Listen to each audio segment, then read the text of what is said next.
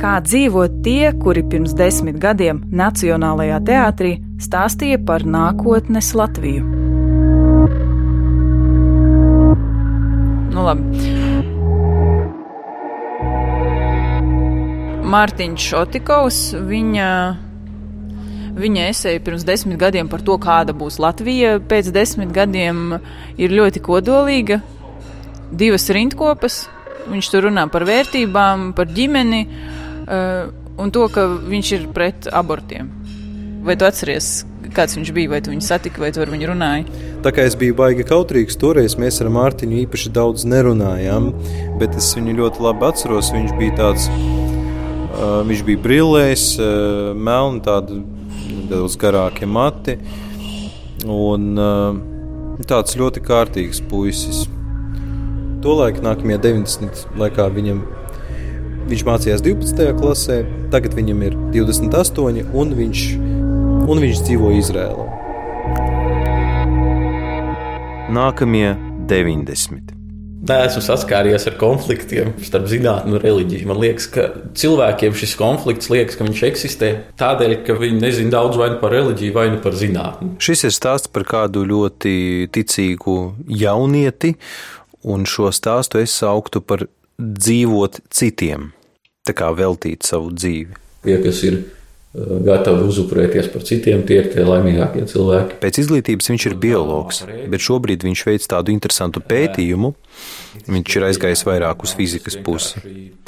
Viņš pēta jaunu magnētiskās rezonances metodi, kas ļautu cilvēkiem kustēties un tajā pat laikā izmeklēt viņus. Pats Mārtiņš nevēlējās, lai mums intervija būtu pie viņa mājās, un tā vietā viņš to visu norganizēja studentu viesnīcā. Es skatos, mācījos šeit, tad es dzīvoju šeit. Jo viņš arī atdala to publisko no privātā. Teiksim, nu, es esmu no ziemeļiem. Līdz ar to viss. No ziemeļiem, ko tas no nozīmē? Ziemeļos vai no, no ziemeļa, nezinu, no, teiksim, ja no tas, kas ir priekš maniem draugiem un tā tālāk.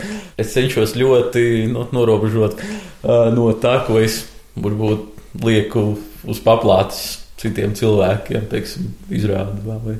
Man šķiet, ka viņš kaut kādā ziņā pat ir kļuvis ticīgāks pēc šī pasākuma un šo desmit gadu laikā dažādu notikumu dēļ, kas varbūt pat mainīja viņa domāšanu un personību kā tādu. Teiksim, sākot ar to, ka man um, tēvs nomira, kad es biju relatīvi mazs puika, jau mana māte ir, teiksim, jā, izaudzinājusi mūsu piecus bērnus. Viens no tiem notikumiem, kas patiešām mainīja viņu dzīvi, bija brāļa nāve. Tas bija viņa vecākais brālis. Viņam bija liels problēmas ar, ar narkotikām, un līdz ar to tas viss, protams, ir devis vienu lielu, nu, tiksim, tādu nokrasi, jā, ģimenē, kas, kas ir prasījis. Uh, Nu, raudzīties uz lietām ar citām acīm. Vienkārši jā.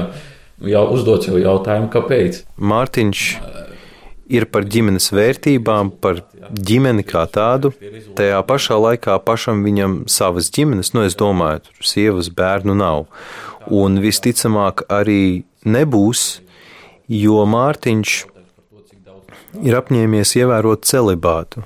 Es saku, praktizēt varbūt vairāk ticību, kad es biju uh, pusaudzis un, un, un teiksim, es būtu ļoti priecīgs veidot ģimeni, bet reizē es, es sapratu, ka Dievs no maniem prasa šo upuru, un līdz ar to es atsakos uh, un veltu viņam šo savu varbūt sapni. Uh, lai būtu vairāk atvērts tam, ko Dievs no maniem prasa, un varētu būt pieejamāks uh, Dieva plānam. Pēc dažām dienām, ko Mārtiņš pavadīja šeit, Latvijā, martā, viņš nu jau ir atgriezies Izrēlā, un tur viņš turpina savas studijas doktorantūrā. Nākamie 90.